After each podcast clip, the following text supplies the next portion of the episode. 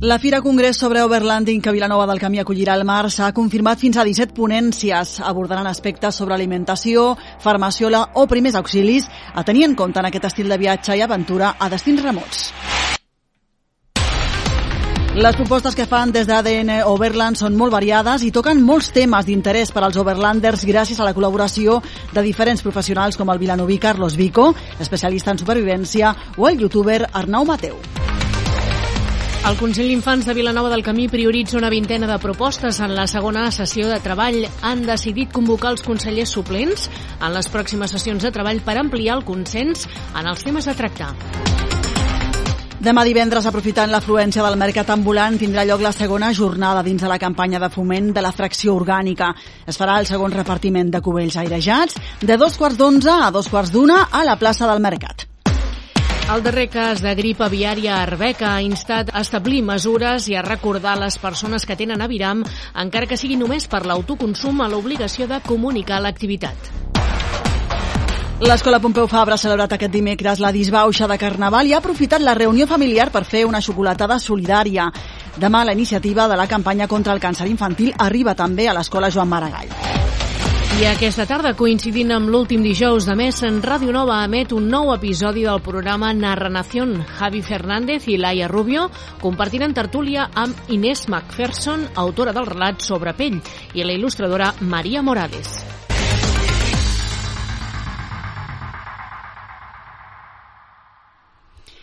Vilanova del Camí acollirà els dies 10, 11 i 12 de març Expo ADN Overland 2023, una fira congrés sobre overlanding, un estil de viatge i aventura a destins remots amb total autosuficiència i on el més important és el trajecte i no pas el destí.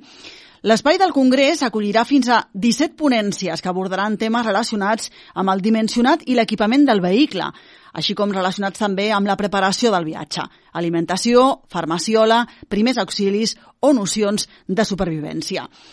Entre els ponents d'aquest congrés Overland cal destacar alguns noms propis, com el del vilanoví Carlos Vico, especialista en supervivència extrema, i el de l'igualadí Willy Fox, Arnau Mateu, un reputat youtuber amb una dilatada experiència en gravació i edició de vídeo, especialment de viatges, d'aventura i d'acció. La celebració d'aquesta Expo ADN està creant molta expectació, segons assegura Robert Callejón, CEO d'ADN Overland, ja que no és habitual que esdeveniments com aquest tinguin entrada gratuïta. Callejón estima que durant el cap de setmana puguin passar per aquesta expo uns quants milers de persones i confirma que aproximadament s'han fet, Marisa, 200 inscripcions per a pernoctar en aquesta zona. Doncs sí, i el Congrés també ha creat força expectatives, ja que les propostes que fan des d'ADN Overland són molt variades i toquen, com deies, molts temes d'interès per als overlanders gràcies a la col·laboració de diferents professionals, com en Carlos Vico. Ell és especialista en supervivència extrema, fundador de l'Escola de Supervivència Survival Extreme, consultor i formador en tècniques de supervivència i autor del llibre Supervivent la por sota control. Vico participarà en dues ponències. La primera dissabte a dos quarts de set de la tarda, en la qual parlarà de supervivència, i diumenge a les 11 del matí, juntament amb el socorrista David Alcalà, Vico abordarà un altre tema important, el dels primers auxilis en entorns remots. Aquest especialista en supervivència ha plantejat les ponències a partir de la seva experiència personal i professional i vol convidar a la reflexió a partir de l'anàlisi dels errors comesos, amb la voluntat de facilitar l'autoconeixement, un element imprescindible quan es parla de supervivència. Conèixer com funciona la teva ment i el teu cos i com reaccionen en situacions extremes pot marcar la diferència entre la vida i la mort. El que vull fer jo és explicar el recorregut que hi ha des del meu inici fins al dia d'avui, intentant que la gent entengui eh, les diferents fallades que he tingut a la meva Aprendre dels errors, Correcte. podríem dir, eh? A tractar la por, a com funciona el pànic, a com funciona el teu cap en una situació on, on les coses es compliquen molt. I després, el diumenge, la, la història és entendre que primers auxilis és la base de la supervivència. Realment, al final, supervivència és qualsevol situació on la teva vida corre un risc i si jo entenc com funciona el meu cos i la meva ment, tinc números molt grans de poder sortir de qualsevol situació. Al final és, tothom es centra molt en l'entorn, que si la neu, que si el bosc, i no, al final és l'individu que és el que està a l'entorn. Si jo entenc l'individu, és molt més fàcil crear estratègies. Sibèria, Groenlàndia, els deserts com el Chevi, Borma o la sabana senegalesa han estat els escollits per Vico per posar a prova les seves habilitats físiques i també la seva gestió mental en condicions extremes. Per això diu que cal seguir quatre passos bàsics. Parar, respirar, pensar i actuar. En situacions de màxim risc és imprescindible dominar la por i controlar correctament les emocions per no entrar en pànic i així estalviar energia si tu aconsegueixes entendre que el primer que no has de perdre són les ganes de viure, controlar la ment, no entrar en pànic per no gastar energia. És clar, és una situació on tu estàs totalment tancat i el que has de fer és mantenir-te en el temps. Aquí juga moltíssim la psicologia, etc. Llavors, tècnica, bueno, si t'ennuegues amb l'entrepà i jo t'ensenyo a fer foc amb dos pals, et serveix d'alguna cosa? No.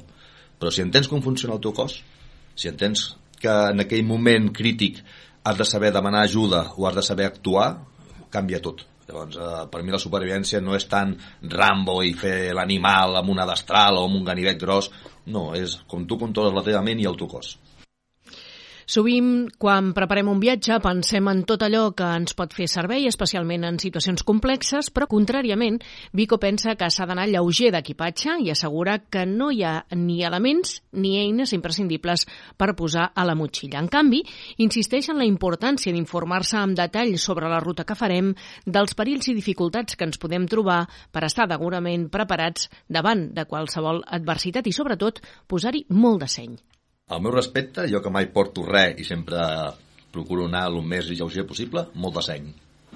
Molt de seny, molta preparació, saber on vull anar, el tipus de clima que em trobaré, a punts d'aigua, punts de socors, a tema on hi hagi cobertura mòbil, passi passa qualsevol cosa, poder demanar Per tant, molta, molta informació prèvia. Molta informació prèvia. I hi ha alguna indispensable que no pugui faltar en, en la motxilla? No, jo sempre sóc més de pensar que és més el que tu sàpigues fer que no el que portis a sobre, perquè al final pot ser és tan gran el ventall de possibilitats, de coses que poden passar, que és més que tu coneixis el teu cos i sàpigues com funciones que no intentar preparar-te per tot. No, no, no portaries una furgoneta, portaries dos trailers. Un altre dels especialistes locals que participarà en aquest congrés de l'Expo ADN Overland és Arnau Mateu, conegut a les xarxes socials com Willy Fox. L'Arnau és un youtuber amb molta projecció, de fet supera els 330.000 subscriptors i apunta alt perquè el seu repte és arribar al milió de seguidors. Arnau Mateu es defineix com un apassionat de les aventures en majúscules al voltant del món. Enemic de la rutina, necessita adrenalina i risc i provar coses noves constantment. És una manera, diu, d'experimentar, aprendre i sortir de la nostra zona de confort. A mi m'agrada molt, a part de les activitats a la natura i el sortir fora, m'agrada provar coses noves, m'agrada, per què no dir-ho, l'adrenalina i el risc. Llavors aquestes coses combinades fan que jo sigui com un nen petit amb ganes de jugar i això m'ho permet perquè quan vas de viatge la majoria de coses que veus són noves experimentes, aprens moltes vegades i surts de la zona de confort i de la rutina, que jo el que no puc és la rutina, a mi la rutina m'acaba, perquè a mi m'agrada tenir l'oportunitat d'això, d'ara fer un vídeo de motos, ara un de cotxes, ara un de que vaig en bicicleta, ara un que esquio, llavors, com aquest sempre anar canviant, em fa que el temps em passi molt ràpid i està sempre motivat per, per aquests canvis. Hem pogut compartir, gràcies a les xarxes socials, alguns dels treballs de Willy Fox realitzats amb drons equipats amb càmeres de cinema, GoPro i càmeres aquàtiques, entre altres, però assegura que en l'àmbit domèstic i amb molt poques eines es poden fer grans vídeos que recullin l'experiència dels nostres viatges. N'hi ha prou, diu, amb un mòbil de gamma mitjana i donar ales a la imaginació i la creativitat. Avui en dia tothom porta un mòbil a sobre. Exacte. I el 99,9% dels mòbils tenen una càmera i jo sempre dic que no és el mòbil o la càmera el que filma, sinó la persona que hi ha darrere. És a dir, si tu deixes una persona que té les capacitats amb un mòbil de gamma mitja, amb allò ja pots fer un vídeo i fotos i pots fer els continguts inclús per xarxes de, del teu viatge. Perquè molta d'aquesta part és la creativitat. És dir, evidentment, mentre tu condueixes no pots anar-te filmant, però pots posar el mòbil en un racó de la furgoneta que vagi filmant, o pots baixar i deixar-lo recolzat amb una pedra, llavors tu passar i el vas a recollir. Vull dir que al final, si viatges amb més gent és més fàcil, però quan viatges sol has de fer una mica d'home orquestra i treure aquesta creativitat i intentar crear amb el que tens, perquè precisament normalment la gent no té diverses càmeres, un dron, un telèfon... No, un trípode, un estabilitzador, no? Això ho, això ho tinc jo perquè em dedico a ensenyar-ho com uh mhm. -huh. funciona i llavors ho provo, ho ensenyo i la gent es compra bàsicament el que pot perquè aquestes coses solen ser extras. Fa poques setmanes Willy Fox anunciava al seu canal de YouTube les novetats per al 2023, un any ple de reptes i d'aventures, com la que acaba de viure al Dakar, on va instal·lar una GoPro, una càmera subjectiva, en el casc del pilot Marc Almet. Una experiència que va permetre viure als espectadors una etapa especial del Dakar des de la mirada del mateix pilot. Durant aquest any, Arnau Mateu s'ha plantejat diferents projectes, com l'elaboració d'un gran documental sobre el Dakar amb material inèdit, anar a l'Equador per fer esquí en un volcà o superar el rècord mundial de voltes en parapent i bussejar a l'Àfrica, surfejar per diferents costes del país o recórrer l'Argentina en moto. I, evidentment, ja es prepara també per participar en la gravació del seu quart Dakar. Les seves experiències estaran molt presents també en la seva ponència, durant la qual també mostrarà el seu material, les càmeres i els drons perquè el públic els pugui veure i provar Marissa. I en Robert Callejón, Carlos Vico i Willy Fox estan d'acord en que aquesta Expo ADN Overland és una bona oportunitat per donar a conèixer Vilanova del Camí i també la comarca de la Noia. Callejón assegura que l'esdeveniment ha generat molta expectativa entre els overlanders, però també entre persones que s'estimen la natura i que defugen del turisme més comercial. L'oferta de ponències i d'activitats professionals ha estat molt ben pensada i s'ha apostat per la qualitat sense renunciar a aquest ambient distès i informal per donar cabuda a un públic més ampli. Aquesta és la idea, sí, sí, eh, anar donant valor a, aquesta cadena de valor no?, que arrossega el món de l'Overland i donant-li aquest contingut cultural, no?, que la gent que vingui eh, marxi sabent més del que sabia quan, quan ha vingut, però amb aquest to de distensió que comentava l'Arnau, no? de, com si fos entre amics, tot i que siguem diversos milers de persones durant tot el cap de setmana, però que sigui un esdeveniment així, eh, fet professionalment, amb una oferta molt, molt ben pensada i, amb, i d'alta qualitat però amb un ambient de, d'això, de col·legueo, no? de, de distensió. El fet que l'Expo ADN Overland es faci fora de Barcelona, però molt a prop de la ciutat comtal i en una ubicació amb bona comunicació, fa preveure molta participació i reforça la idea de capacitat de fer créixer aquesta iniciativa.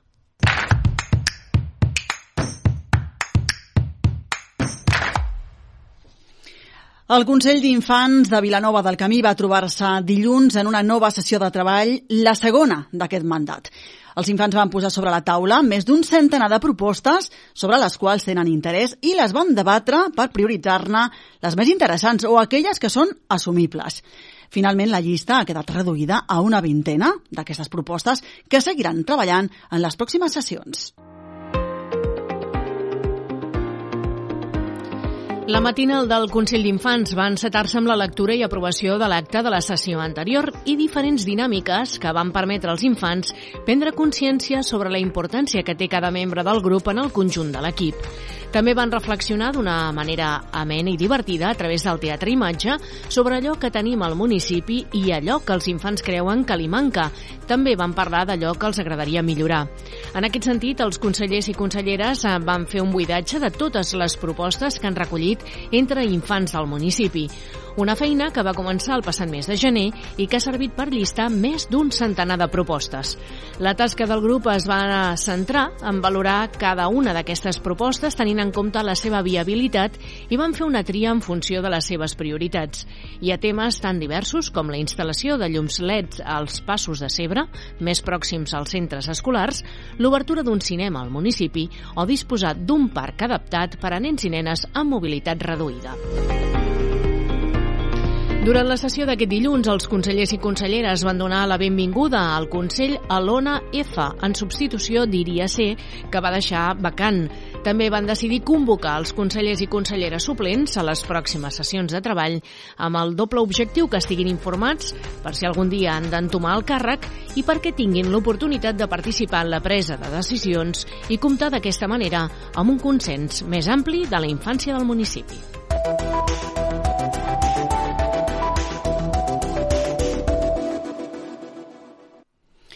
Dimarts es va començar a fer el lliurament de cubells per a la recollida de la fracció orgànica a peu de carrer.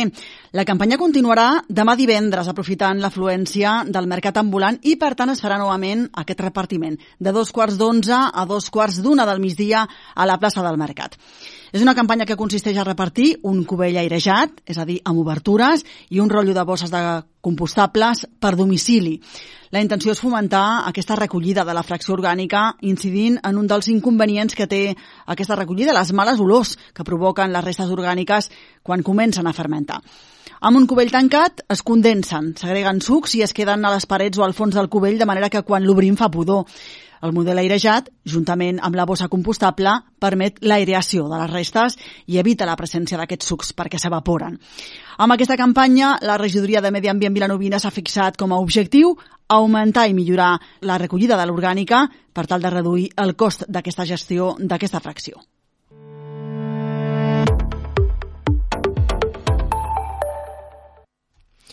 Arran del cas de grip aviària detectat el passat 10 de febrer en una granja d'Arbeca, el Departament d'Acció Climàtica, Alimentació i Agenda Rural està aplicant mesures a tot Catalunya i demana a les persones que tenen aviram per l'autoconsum, és a dir, aus de corral, que ho comuniquin a l'oficina comarcal del DAC, que correspongui per tal que siguin inscrites al registre d'explotacions ramaderes de Catalunya. La influença aviària és una malaltia que provoca elevada mortalitat i és altament contagiosa entre aus. Les aus salvatges poden ser portadores i poden transmetre el virus a les aus de corral a través del contacte directe o indirecte amb aquestes. És per això que les persones propietàries estan obligades a comunicar la tinença o la cria de viram, encara que sigui per l'autoconsum, per poder localitzar les granges i aplicar mesures de protecció. També han de complir amb les restriccions de cria a l'aire lliure que puguin afectar-los temporalment per prevenir el contacte amb aus salvatges i, a més, tenen la importància i l'obligació de notificar qualsevol sospita de la malaltia.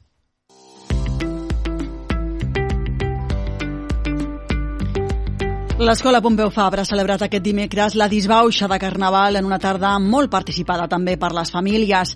Ha estat una tarda solidària també perquè la comunitat escolar ha compartit una xocolatada en el marc de la campanya TACAT pel càncer infantil, en benefici de l'Hospital Sant Joan de Déu. L'alumnat del centre, acompanyant el rei Carnestoltes, ha desfilat en una gran rua pel barri de la Pau, que ha passat per davant de la llar d'infants de la Baldufa. Havien preparat unes disfresses de puzzle molt vistoses, al cap i al cinturó portaven unes peces creades per cada alumne, ben personalitzades, i amb una capa de color segons el nivell. Tots junts, alumnes, mestres i famílies han ballat la cançó de l'escola i els cursos de sisè han fet una batucada, just abans de l'arribada del vell i la vella Quaresma. I després les famílies han col·laborat amb un berenar solidari a base de pastissos i xocolata desfeta organitzat per l'AFA, amb la implicació d'algunes famílies i amb la col·laboració de l'empresa Setitria. En total han recollit 488 euros. Aquesta és una iniciativa de l'Hospital Sant Joan de Déu que es va iniciar l'any 2018 i convida les escoles a organitzar xocolatades solidàries entorn al Dia Internacional del Càncer Infantil que se celebra el 15 de febrer. Uns dies abans, el 4 de febrer, és el Dia Mundial contra el Càncer, una malaltia que suposa un desafiament sanitari dels més grans del món. La jornada vol conscienciar tota la societat sobre l'impacte de la malaltia i la importància de combatre-la. Un cop més, la jornada contra el càncer infantil ha mobilitzat les escoles vilanovines que van haver de suspendre aquesta activitat durant la pandèmia, però que han recuperat amb força. Les donacions d'aquesta campanya escolar contribuiran a millorar els tractaments del càncer infantil i augmentar els índexs de supervivència en nens i adolescents amb càncer. Actualment, un 20% de nens amb càncer no superen la malaltia i el 80% es curen, però de vegades amb seqüeles importants. Recordem que l'AFA Joan Maragall també farà una xocolatada solidària contra el càncer aquest divendres, a tres quarts de cinc de la tarda. També han convidat les famílies a col·laborar amb pastissos, entrepans, galetes casolanes o qualsevol altra aportació que es posaran a la venda juntament amb la xocolata. El donatiu serà d'un euro.